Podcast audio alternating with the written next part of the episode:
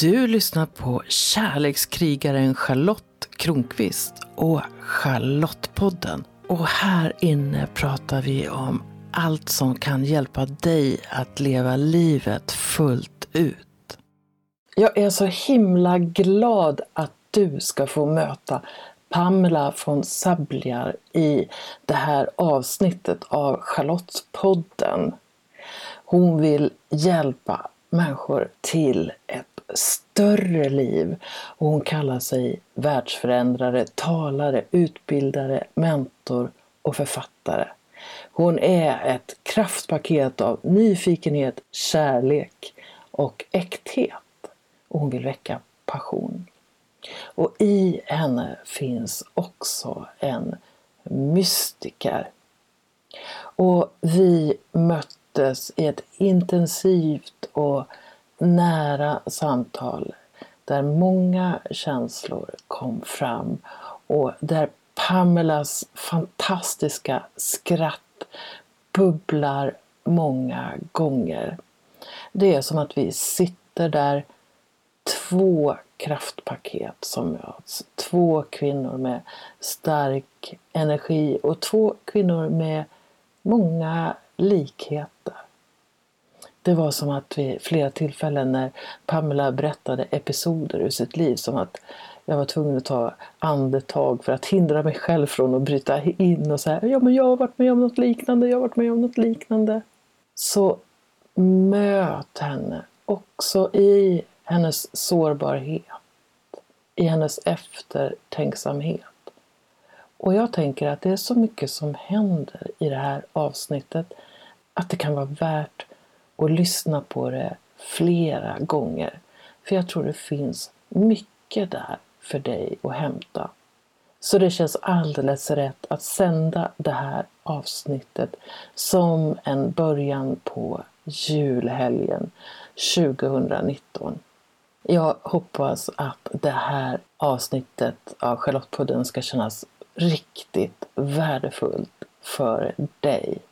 Så varsågod och möt två kärlekskrigare.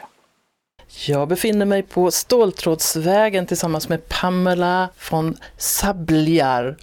Och hon är talare, facilitator, men också mystiker. Välkommen hit! Tack så jättemycket Charlotte. Jag är nyfiken var vi ska ta oss någonstans idag. Vad bubblar i dig när du får den presentationen?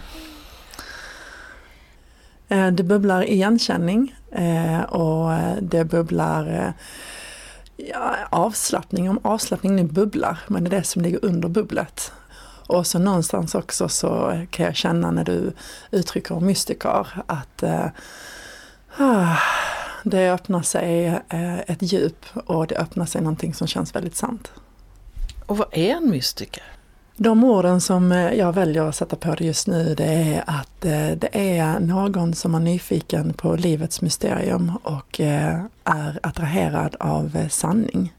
Att det ska kännas äkta och sant och att vara nyfiken på nästa lager och nästa lager och nästa lager. Att våga ifrågasätta det kända, att gå ut i det okända, att söka perspektiv, att eh, titta på det som är här, men också på det som möjligtvis är bortom det vi kan eh, alltid ta på eller känna igen eller uttrycka utifrån förnuftets perspektiv. Så när du pratar om lager, mm. det kan ju representera olika saker. Mm. Det kan vara som att man är som en lök och så tar man olika, tar bort olika lager och så kommer man mot någon mer sann kärna. Men det kan också vara någonting annat. Så vilka lager pratar du om? oh, jag blir så glad redan nu av att du, att du är specifik i dina frågor. oh, jag kan känna igen den aspekten av mig själv och jag uppskattar den. Eh, för det, oh, tack! Just nu när jag uttryckte mig så tror jag att jag eh, faktiskt syftade på flera olika typer av lager. Jag syftade på olika lager av eh, att vara människa, alltså psykets olika lager. Att jag eh, kan, eh, att vi ofta kan leva i föreställningar som skapar masker, att vi visar upp eh, delar av oss som vi tror är mer eh, omtyckta och värderade. Eh, att jag eh, kommer in i ett rum med en eh, pansar eh, runt min kropp och ett annat ord för det skulle kunna vara spänningar, skydd som gör att jag faktiskt inte är helt öppen och receptiv och möjlighet till inlyssnande och inkännande. Ehm, jag pratar om hur jag, kanske via min Eh, livsväg i form av uppfostran, de föreställningar som har funnits i min familj, i min omgivning som skola, samhälle, kultur av land, kultur av eh, politisk åskådning, religiö, det religiösa, alla de här typer av föreställningar, också det århundradet eller samhällssystemet jag lever i som skapar föreställningar om hur jag ska vara som människa. Och att gå igenom de lagorna av att utforska, ifrågasätta, känna in och verkligen titta på men vem är jag i detta? Vad är min essens? Vad är äkta för mig? Är det äkta för mig att fira jul på det sättet som jag har lärt mig att fira jul? Eller är det äkta för mig att fira på ett annat sätt? Är det, är det, är det sant för mig, eh, som jag bara sa superkonkret, eh, att, eh, att jag blev lärd som barn eh, utifrån den strukturen jag växte upp i. Att kärlek eh, får jag via att jag presterar. Och jag har upptäckt genom att skala de lagorna att kärlek har ingenting med prestation att göra. Men under många år styrde hur jag förhöll mig och vad jag valde. Och i det skapade det många gånger en känsla av ofrihet. Att jag valde utifrån någonting som faktiskt inte var riktigt sant i mig. Så det är en av de lagren. Men sen också lager av att jag lärde mig att förlita mig på att mediciner och behandlingar utifrån exempelvis den, eh, eh, det hälsosystem vi har. Att det fanns ett visst sätt, en viss sanning av att det är så här vi skapar hälsa. Och eh, i och med att jag då har haft en historia av att eh, var sjuk och sjuk och sjuk och utmanad i min, min fysiska kropp, så har jag då utforskat lagorna av den sanningen och upptäckt att eh, medvetenhet är starkare än medicin, vilket dessutom finns en fantastisk bok och eh, TED-talk på eh, av en läkare som heter Lisa Ranking. Men att få gå in och titta på wow, det var ingen som berättade för mig som barn eller ungdom eller när jag läste på undersköterskeutbildningen eller när jag läste till att bli psykiatrisk skötare eller alla de gånger jag jobbade inom vården var det ingen som berättade för mig som ung kvinna att det jag tänker och det jag känner skapar ohälsa i min fysiska kropp. Det var ingen som berättade för mig när jag växte upp i skolan och jag lärde mig om Socialstyrelsens rekommendation att äta åtta mackor om dagen och äta enligt kostcirkeln. Att, att kött kanske inte är optimalt att äta eh, sju dagar i veckan. Eh, så det är också lager på liksom olika områden det var ingen som berättade för mig utifrån vårt politiska system att det finns någonting kanske bortom demokrati. Utan demokrati var en självklarhet att det är det största och bästa systemet för att relatera samhällsmässigt. Så jag pratar om så många, men jag pratar också om det djupaste lagret som kanske går till det esoteriska. Att så jag upplever verkligheten. Att det är mer materia än mellanrum och Eh, vibration och ljud eh, därmed och energi kanske mer verkligt än att stolen jag tar på är fast och hård och inte förändringsbar. Ja, och där blev det ett lite dåligt exempel, men vad jag ville säga med det var kanske hur jag relaterar till livet. Alltså vi, många gånger får vi lära oss att vi är separerade. Eh, att du är där och jag är här och där är ingen kontakt emellan. Men fram tills nu, och jag är väldigt öppen och villig att säga att om tio år kanske det inte är mitt perspektiv, men det är det nu så har jag upptäckt att vi är inte separerade. alltså, att vi är i kontakt. Vi är, vi är en del av en större helhet som människor och att i ett utforskande av livet har jag upptäckt att eh, ja, det jag lärde mig om att vi är separerade varelser som går bredvid varandra inte sant. Vi är, det är som att vi har ett band av kontakt emellan oss som inte går att ta på, ungefär som internet. Internet tycker jag är en, en jäkligt bra beskrivning på vad visdomstraditionerna för 5000 år sedan försökte uttrycka.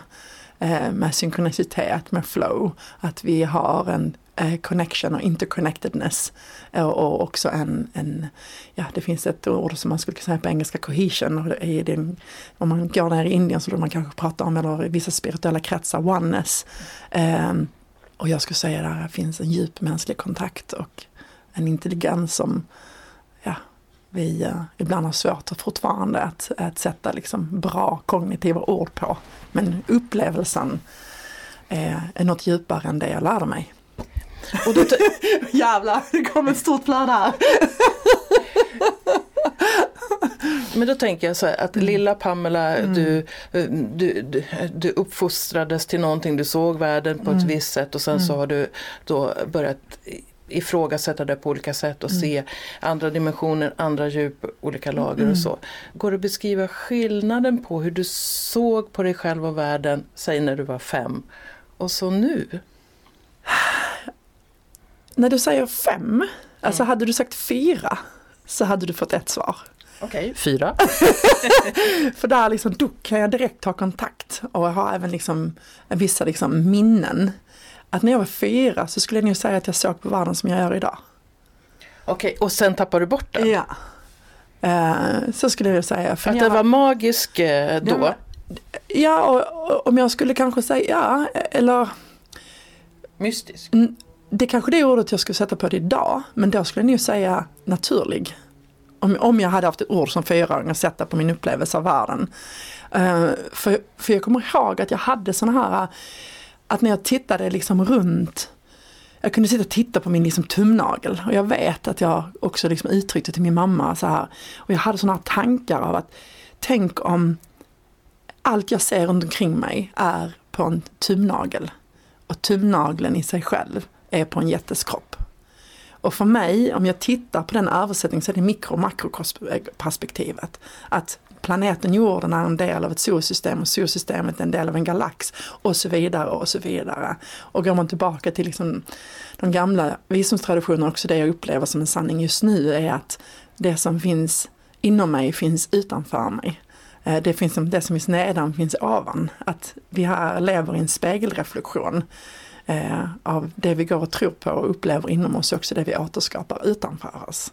Alltså det som jag tycker är häft, häftigt med det här mm. det är att å ena sidan så eh, går du hit och, det, mm. och, och, du sitter här mm. på sängen och så mm. och det är någonting som händer. Och på, å andra sidan så är det som att det finns en annan eh, dimension eh, där du jag såg för mig hur du liksom går omkring i, i ett eh, universum som som styrs av andra regler eller så. Eller jag bara funderar.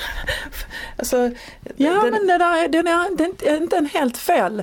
För det är också och det, och det är också som varit en sån utmaning och jag har varit en så lång resa och jag är fortfarande där och jag hamnar där fortfarande. Och jag har så vackra människor omkring mig som påminner mig och jag påminner mig själv. Att det är inte antingen eller. Och det är så lätt att hamna i perspektiv, för vår hjärna är inte superbra att hantera komplexitet. så vi vill gärna förenkla och så blir det gärna svart och vitt. Jag har också en, en, en personlighetstyp som gärna går dit. Eh, men, men det är, eh, jag skulle, ja, det, det, att min, vad jag upplever att du säger är, ja, jag går runt här och, och i det här som vi kan ta på, vi kan känna, vi kan se och vi relaterar till och som känns hårt. Och, men sen är det liksom en dimension till eh, eh, parallellt där jag skulle säga att det är, eh, jag får upp orden så här horisontellt och vertikalt, linjärt och holistiskt. Alltså den fysiska världen, jag skulle kunna säga liksom, den är mer linjär. Eh, det, jag upplever tid och rum, men jag upplever också att jag går in och lever i en verklighet samtidigt, i en, i en verklighet bortom tid och rum. Och, och hur skulle jag uttrycka det mer konkret? I eh, relationer där jag har eh, en närmare kontakt och byggt ett starkare eh, band emellan emotionellt, energimässigt, fysiskt, upplevelsemässigt. Där det är en starkare attraktion och den attraktionen behöver inte vara sexuell eller, utan det är en liksom livsattraktion, att livet drar oss till oss just nu. I de banden så kan jag ju om jag tar det här andetaget och blir närvarande liksom djupt inom mig och med livet i sig själv så kan jag ju känna den människan. Mm. Även om inte den är visuellt eller fysiskt i samma rum. Och kanske få in liksom så här en upplevelse av, oh, hon verkar ha det jäkligt bra idag. Och sen så får jag kanske fem minuter senare ett sms ifrån personen och säger hej hur har du det idag? Eh, för att den personen, att vi är i kontakt, även om vi kanske är två länder ifrån varandra eller 60 mil ifrån varandra eller bara tre timmar ifrån varandra. Så där är den bortom tid och rum.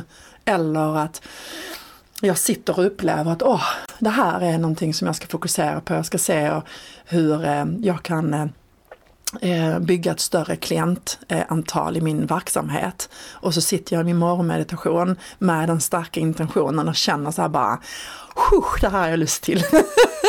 och jag känner bara så här, yes! Och sen när jag går ur min morgonmeditation så har jag redan fått, eh, kanske 20 minuter senare, tre, fyra stycken sms eller messenger eller mail ifrån klienter som hör av sig och säger, eh, vi skulle eh, vilja ha en session. Och, och där upplever jag att där är, och återgår jag till liksom metaforen av internet. Alltså att vi, det är som att jag lägger ut en post eh, på min Facebook-wall och så får jag likes eh, för att det är andra som är i det flödet.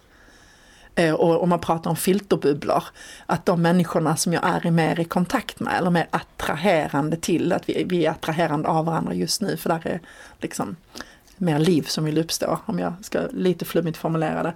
Eh, men de här filterbubblorna då eh, är människor då som dras till kanske den intentionen eller inlägget jag lägger ut. Samtidigt som att det är så att jag kan ta telefonen, lyfta och ringa x antal människor så finns den verkligheten parallellt. Jag har också en del sådana upplevelser och jag har även haft upplevelser, eller förnimmelser kallar jag mm. det, av att eh, till exempel ha ett exempel är, jag var på väg att somna. Mm. Men jag var fortfarande vaken och så var det som att det kom en man som jag känner, som jag mm. kallar för en ängel, kom, i, kom liksom till mm. mig. Mm. Och vi hade som någon form utav samlag. Fast mm. inte, jag menar vi var många, många mil ifrån varandra och mm. det han penetrerade var mitt hjärta.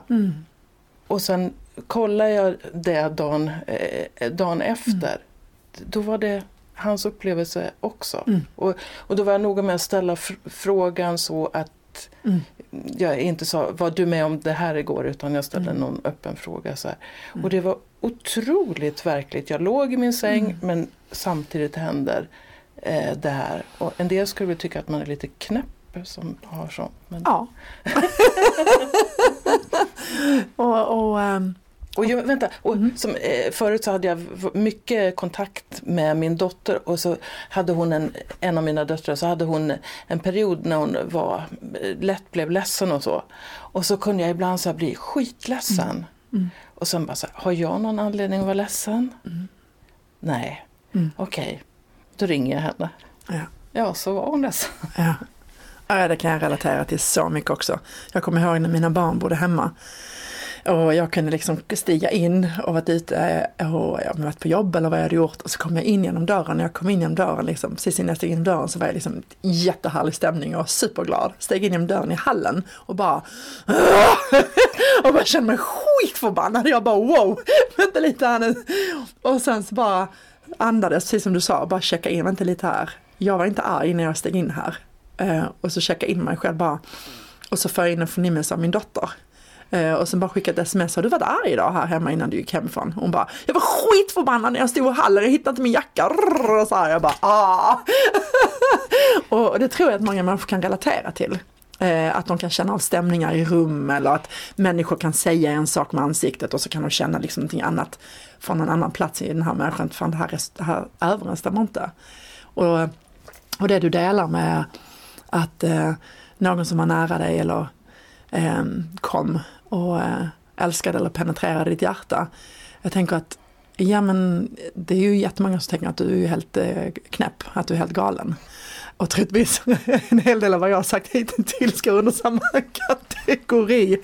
Och där vill jag bara säga, det är ju det som jag tycker har varit eh, häftiga med att tillåta mig att våga utforska.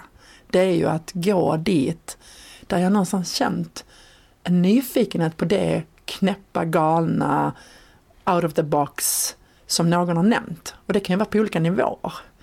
Alltså det kan ju vara alltifrån om någon sa till mig Pamela, det, det går att jobba fyra dagar i veckan och tjäna 55 000 och gå hem klockan tre. Alltså för många är det en verklighet som har, ja eller hur, vilken, vilken jävla soffa har du krypit upp under? Alltså, och för någon annan är det, och då kanske det är det som drar, men gå dit och utforska. Tänk om, tänk om det är sant. Och som du säger, ja det kom en man till mig och penetrerade mig och det var 100% verkligt och han hade samma upplevelse. Om det känns intressant, gå dit och utforska. Men ta inte det vi sitter och säger för sanning. Utan, och det är det liksom jag, det har varit värdefullt och viktigt för mig att, att ha den öppenheten. Alltså öppenheten och nyfikenheten men inte svälja allt. Alltså, för det är också så lätt att tappa sig själv. Eh, men, men och att om det, du, det jag delar inte attraherar, men skit i det då. Men om det är någonting du delar Charlotte, för den som lyssnar, alltså attraherar, men gå dit. Mm. Precis så tänk, eh, tänker jag att jag, om någon säger att de har en upplevelse, mm. så säger jag tror dig att du har den mm. upplevelsen. Mm. Men sen behöver jag så att säga inte tro att jag kan få den upplevelsen mm. utan mm. Eh, jag kan uh, hålla en distans till det. Men mm. hur, hur, ska jag kunna veta hur någon annan upplever mm. verkligheten? Mm. Jag menar på att det är förmätet av mig eh, om jag skulle säga nej men din upplevelse är inte sann eller din känsla är inte sann eh, eller så utan den kan kännas främmande. Och då behöver jag kanske inte gå dit just då. Eller så kanske jag ska gå dit. ja, jag tänkte på det när du sa det precis, vad, som, vad det väckte i mig. När du sa precis så här, ja men så kanske inte, jag tänker om en annan har en upplevelse att ja men, ja men den kanske inte jag kan ha. Jag tänker alltså bara, om jag blir nyfiken, jo men då är det möjligt för mig också. men också, också det här av att bara för en människa har en upplevelse, eh, den, där instämmer jag med dig att vem är jag att säga om den är sann eller inte sann? Den upplever jag uppenbarligen. Sen har jag ett ganska kritiskt ifrågasättande av om beskrivningen, upplevelsen, har en tillräckligt hög förklaringskomplexitet. Det kan jag tycka är nyfiket och vad jag menar med det är Ibland så kan, alltså jag, jag gör det själv, jag, jag använder ordet energi exempelvis. Och jag har en, en, en ung man i mitt nätverk som är um, hjärnforskare och samtidigt så har han en öppenhet för det esoteriska, nyfikenhet, men han är mer ankrad i forskning. Och han var på mig sist vi hade ett av våra liksom långa utforskande samtal, för vi lär mycket av varandra i hur vi liksom pratar och hur vi upplever verkligheten och så. Och där han var på mig, Pamela, Alltså när du säger energi, fattar du att det är helt fel ord att använda? så sa jag så. Så sa han, förstår du att du använder det i brist på att du inte har Eh, komplexare förklaringsmodeller. Och jag bara, ja, jag är helt medveten om det. Och där tycker jag om att utmanas. Alltså jag tycker om att utmanas i att kunna sätta den moderna forskning på det som vi tidigare behövde beskriva som en esoterisk upplevelse. Samtidigt att tillåta, jag värnar också djupt om, att tillåta det vi fortfarande inte kan sätta ord på. Det vi fortfarande inte kan beskriva med teorier och modeller att låta det få vara okänt och i en upplevelse eh, tills vi kan eh, börja beskriva det. Den bryggan eh, fascinerar mig i den liksom, strukturen jag har som människa. Att, att hålla de perspektiven, att, att klä det vi kan klä i att förstå det djupare och bättre med forskning. Samtidigt tillåta för för mig är det okända det som går före det vi förstår. Och i vår moderna tid och i och med att vi, liksom vår gud, gärna i Sverige och i stora delar av väst, är ju idag vetenskap. Så vi kan också, det blir lite ibland dogmatiskt. Att allting ska förstås, allting ska förklaras, allting ska liksom boxas in. Och att, och att, att, eh, att, tillåta oss att komma ihåg att forskningen grundar sig på en hypotes. Forskningen grundar sig på någonting vi tror. Eh, och det är det giftermålet som som jag värnar om att få vara en del av att brygga. Eh, men att komma ihåg att eh, i min värld och verklighet och, och därför jag gärna lov att utmanas eh, så går inte forskningen först. Utan det är upplevelsen och tron på det som är bortom det vi förstår. När jag står i köket så mm. lyssnar jag gärna på S Sveriges Radio mm-hmm. Play. Mm. Mm. Och dels har jag lyssnat på ett, eh, en eh, dokumentär om Einstein mm. och där, där, relativitetsteorin när han skrev den 24 eller något sånt mm. var ett, en matematisk formel mm. som idag har ett innehåll. Mm. Men det tog många, många mm. år innan mm. det, så att när man pratar om svarta hål så mm. är det med där. Mm. Ja, sen lyssnade jag på en serie som handlar just om svarta hål och vita hål och, och, och, då kommer det in strängteori och den här forskaren pratar om att vi kan uppleva tre dimensioner men det finns eh, åtminstone några till och ett bevis på att det finns fler eh, dimensioner det är gravitation. Mm. För, för eh, vi skulle inte kunna lyfta ett glas om inte gravitationen försvann delvis in i en annan dimension för då skulle gravitationen vara så mm. stark. Ja, mm. bara, jag bara mm. nämner förbigående och då blir det liksom så här, gud man pratar om dimensioner, man talar om strängar in i, mm. i andra dimensioner. Mm. Och, så, och så en del av det här är ju sånt som människor upplever. Men som det, som inte går att beskriva för att vi har inte tillgång, mm. har inte hittat sätt att få tillgång mm. till det på. Mm. Ah, jag blir så här bara, ah, det mm. svindlar liksom. Mm. Mm. Och vad kan jag få tillgång till? Och hur öppen är jag för att det finns saker som jag ännu inte känner till? Det, jag, det jag ville säga förut var också att, att jag ibland möter människor som säger det är inte vetenskapligt bevisat, alltså finns det inte. Mm. Det är omöjligt, du kan inte hila någon genom att lägga en hand på bröstet, det går inte. Mm. Whatever. Liksom. Och då är jag så här, hur, hur kan jag veta det? Så att, ja, det är lite så som jag tänker. Så vad är kärlek? Mm.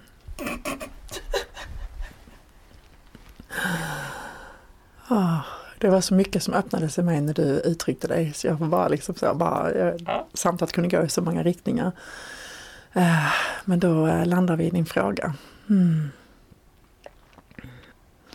Kärlek uh, för mig är en universell kraft. som jag upplever är en, det är en attraktion. Det är någonting som drar oss samman.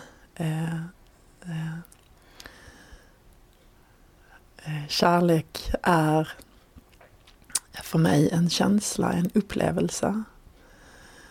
Eh, kärlek är eh, någonting som bor i mig. Eh, kärlek är någonting som är tillgängligt emellan oss när vi väljer att vara i kontakt.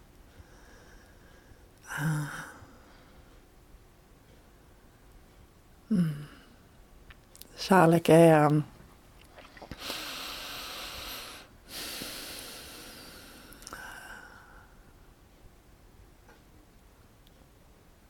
ganska missförstådd i, i min upplevelse i vår kultur. Eller jag skulle också kunna uttrycka mig kanske som grekerna. Att det finns så många olika typer av kärlek. De har väl sex eller sju? Ja. Uh, och när jag har uttryckt mig hittills så eh, skulle jag säga att jag uttrycker mig i, i den kärleken som grekerna kallar agabe-kärleken. Eh, den större kärleken. Eh, och där älskar vi. alltså bortom lager av kön, etnicitet, trosuppfattning, ålder. Eh, ja, den, eh, den älskar. Mm. I den är det mycket frihet. Um, um, mm. Det händer mycket i dina ögon när du pratar om kärlek. Mm. Ja, för att jag känner den inom mig just nu. Alltså, den är jag blir, eh, den berör mig inifrån. För den, liksom, den ligger i bröstet och, eh, och det har varit, den påminner mig också i så många liksom, olika lager av utmaningen och eh, resan och upplevelserna jag har behövt omfamna för att, ja, som jag upplever mer och mer kunna förkroppsliga vad kärlek är. Och då tänker jag, eh, du eh, tänker dig i rollen som att du ger sessioner mm. och du mm. möter en klient. Mm. Var kommer kärleken in och vilken slags kärlek är det du, eh, mm. som skapas i det mötet? Ja men då skulle jag säga att jag sitter i uh, om jag nu ska, då, ska använda, försöka sätta ord på den större kärleken och i den kärleken är där en acceptans eh, för allt det du är. Eh, en acceptans för alla de mänskliga aspekterna av oss som kanske inte alltid är så sköna och vackra. En acceptans för allt det stora och allt det som du inte ens har börjat nudda på eller fullständigt förstår men längtar efter att omfamna. Den liksom, de större potentialerna eller de styrkorna i dig som du har tryckt undan in i skuggan för att som liten bli omfamnad och accepterad och få kärlek. Att eh, kunna omfamna hela dig och sitta och hålla ett rum eh, där du kan få en återspegling av att du är okej. Okay. För det är min upplevelse en del av resan att möta djupare aspekter av kärlek. Det är att omfamna hela dig som människa. Att acceptera dig som människa. Upplever du att det är det som längtan är ofta hos klienter? Oavsett om den är medveten eller omedveten så upplever jag det, ja. Att vi längtar efter att omfamna helheten av oss själva. Det vi har om vi tittar liksom på hur vårt psyke fungerar, att vi trycker undan det som någon har berättat för oss med ord eller utan ord i handling eller mer subtila eh, förnimmelser. Att de här aspekterna av dig är inte okej. Okay.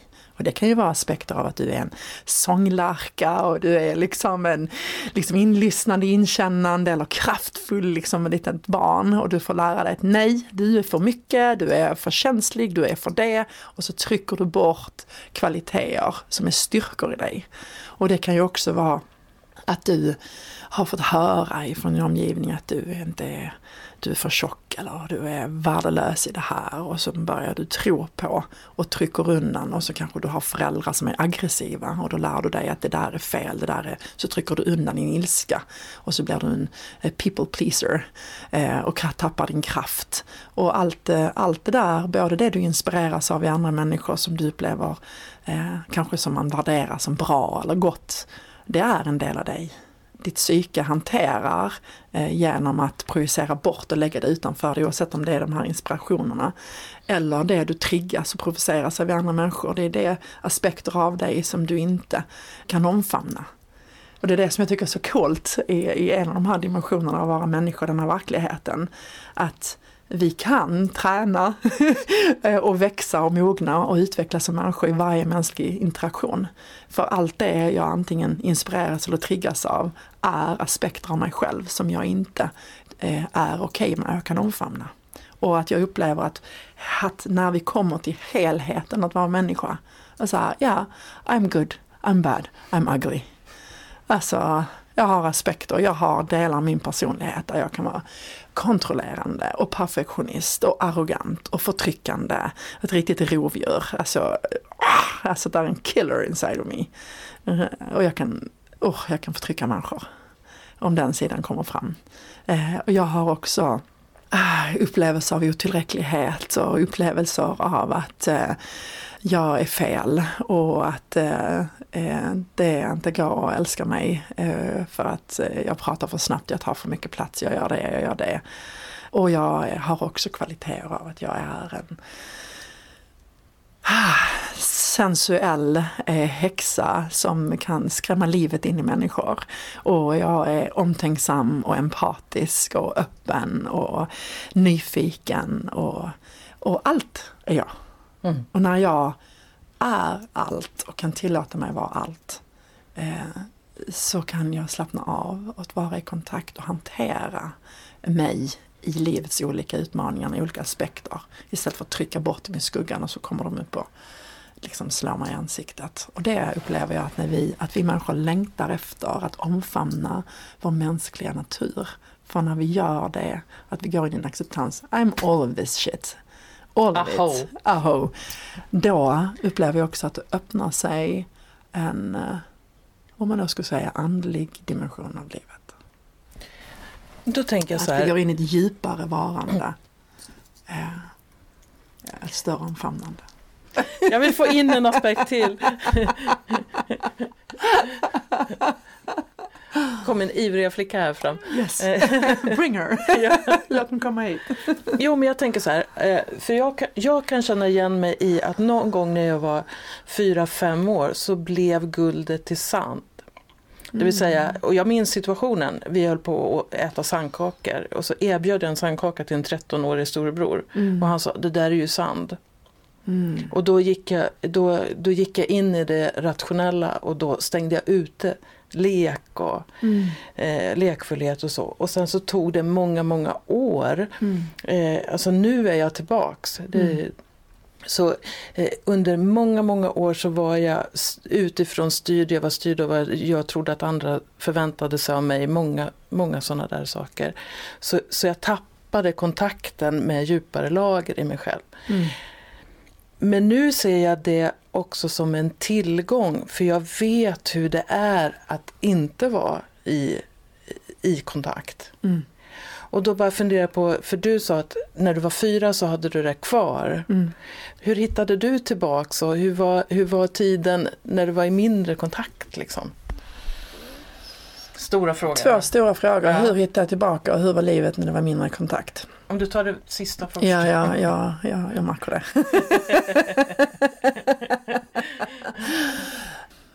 mm. Mm. Och jag kan märka direkt hur det skiftar inom mig när jag tar kontakt eh, med, med den eh, delen av mig och den tiden av mig. Det var avstängt.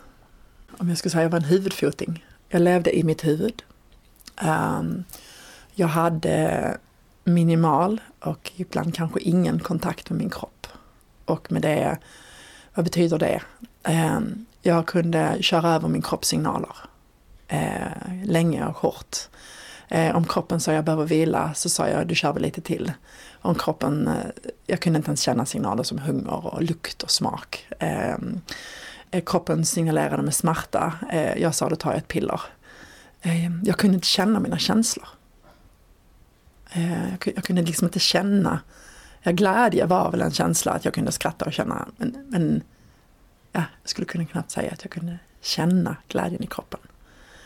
Jag kunde känna vid tillfällen kåthet, mer liksom primal djurisk kåthet i fittan, om jag ska uttrycka det så. Men jag kunde inte känna lust i kroppen.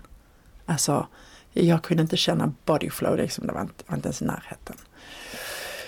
Jag kunde inte känna djupa intuitiva signaler. Och då pratar jag känna dem. Jag hade dem eh, fortfarande i kontakt, men inte känna dem. Jag ehm, eh, grät inte på över tio år. Eh, det var inte tillåtet för mig att vara svag. Och att gråta var för mig i min föreställning ett tecken på svaghet. Och det hade jag ett stort förakt för. Så att när jag mötte människor som grät så var jag föraktfull. Även om jag inte alltid visade så inom mig så föraktade jag dem. För det var ju en återspegling på min egen inre värld och icke tillåtelse. Eh, jag kunde eh, eh, större delen inte tillåta mig känna ilska och absolut inte agera ut den. Ehm. Ah. Om jag ska försöka någon form av summering, för jag menar det är en livsresa från ungefär fem när jag började stänga av, eh, se till eh, strax innan 30. Eh, så eh, var där också, och det liksom det blev starkare, men det var ju liksom, alltså när jag var 11 så hade jag ju ett antal fobier. Och ehm, levde ju i en, en, en, strategisk överlevnad av överlevnadsstrategier som jag lärt mig som barn. Att hela tiden förhålla mig till omvärlden eh, på ett sätt som jag upplevde att de förväntades av mig. Att högprestera, att kontrollera, att bli sjuk för att få uppmärksamhet. Eh, och att samtidigt alltid vara den glada, tillgängliga. Eh, för att eh, det var det sättet jag hade lärt mig att, eh, att få mina vuxna vårdnadshavare runt omkring mig att, eh, att se och ge kärlek till utvecklandet av ett ganska djupt självhat. Eh, som eh, 16-åring när jag började svälta, eh, svälta mig själv och kontrollera mig, mina prestationer ännu mera. Det liksom, de kulminerade liksom när jag gick in i att bli kvinna. Och min upplevelse är att bli kvinna var ju eh, okänt och utmanande att, och att växa upp. Och, eh, Eh, så eh, ett självhat, eh, ett matmissbruk som var min största hemlighet. Jag delade inte med någon i över tio år.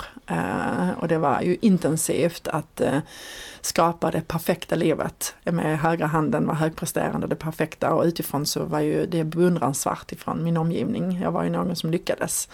Och jag, jag tickade av min egen bucket list intensivt och snabbt. Jag levde nog Alltså som 28-åring när människor tittade på mig så var det så, hur gammal är du egentligen? Är du 50 eller? Med tanke på prestationerna och liksom intensiteten och jag levde i. Och med min vänstra hand så rådade jag en, eh, ett, min mest skamfulla hemlighet och det var ju mitt missbruk som var eh, jag kräkte, återkräktes, och kräktes, gick från anorexia till bulimi. Eh, och, eh, fyra, fem gånger om dagen. Det var som intensivast mot slutet. Så det var ju liksom otroligt mycket energi som gick åt att äta och kräkas och planera och förtrycka. Och det var ju mitt sätt att ångestreducera. Eh, att jag inte kunde känna och att, eh, och att eh, det här stora hålet av att bli avslöjad, hatet, ensamheten, övergivenheten ehm, eh, som låg eh, Eh, under alla de här prestationerna, att stå på scen och tala framför människor och, och hela tiden vänta på att de ska dra av sig byxorna, att avslöja en. Um, så livet var uh, en kamp.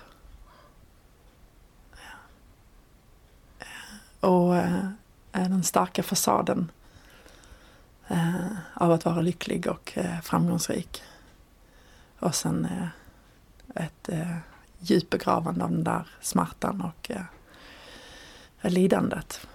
Jag skulle inte ens kalla det smärta, jag skulle kalla det lidande. För smärtan ligger ju under lidandet men den, var, den hade jag inte ens tillgång till. Jag får så här tryck över mm. bröstet när du... Mm. Mm. Och det var ju, jag skulle säga att det var jag kan känna det själv. Att, eh, alltså när jag tittar idag tillbaka på hur min vardag såg ut så kan jag liksom bara så, fan roddar jag liksom den, den eh, prestationen. Mm. Sådär. Och så kom det ögonblicket eh, eh, för någonstans så var jag i den här dysfunktionaliteten så fanns det också en väldigt stark funktionalitet.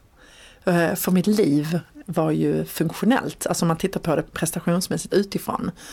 Uh, alltså jag var den perfekta mamman, perfekta kvinnan, perfekta vännen, perfekta samarbetspartnern. Liksom.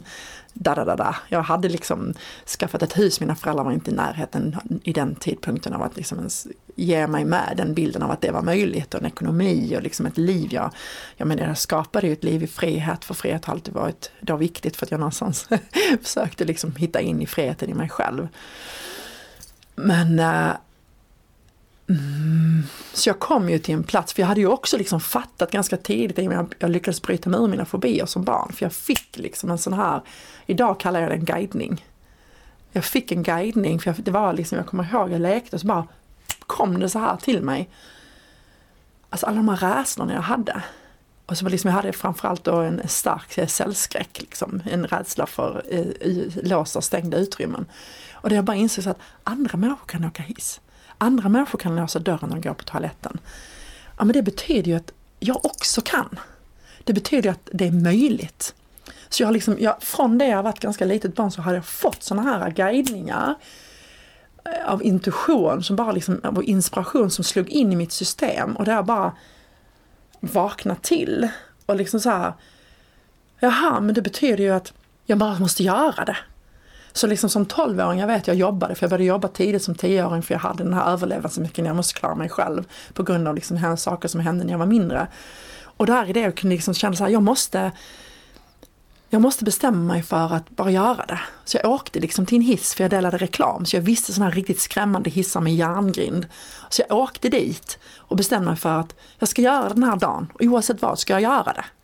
Så det var liksom så här och sen så jag åkte jag till det här stället, den här hyresfastigheten och, och, och, gick in och liksom gick in i den här hissen. Och jag, jag kommer ihåg att jag la timmar på att komma in och våga stänga den här järngrinden och ångesten bara och sen trycka på knappen och sen åka upp och ner, åka upp och ner ända tills jag börjar känna jag kan börja andas och, och jag kommer att överleva. Och, och där sprängde jag, så där lärde jag mig att ja, jag är rädd, men det går vad gör den då? Så det var det som drev mig till min framgång.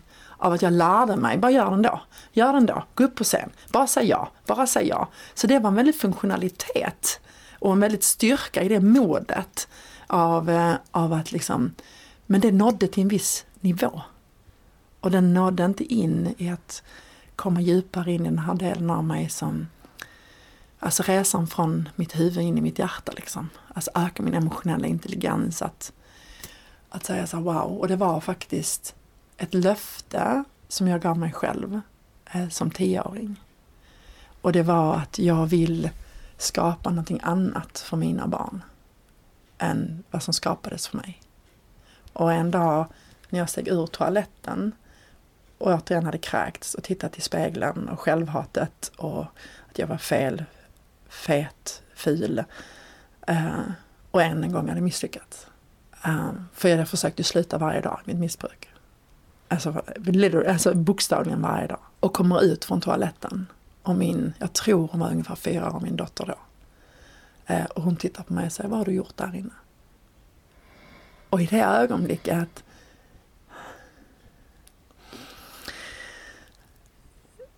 så blir det blixtklart tydligt för mig att hon vet på ett intuitivt plan, för barn är så intuitiva, det är det vi är i min värld, eh, att jag har gjort någonting där inne. Men hon vet inte här uppe i huvudet. Och jag tittar på henne och lägger upp fasaden och ler och säger Jag har bara varit på toaletten och, och kissat och bajsat. Aha, säger hon. Och där så bara ser jag hur mitt sociala arv bara rusar rakt in i henne. Och det, ah, det krossar mitt hjärta i det ögonblicket.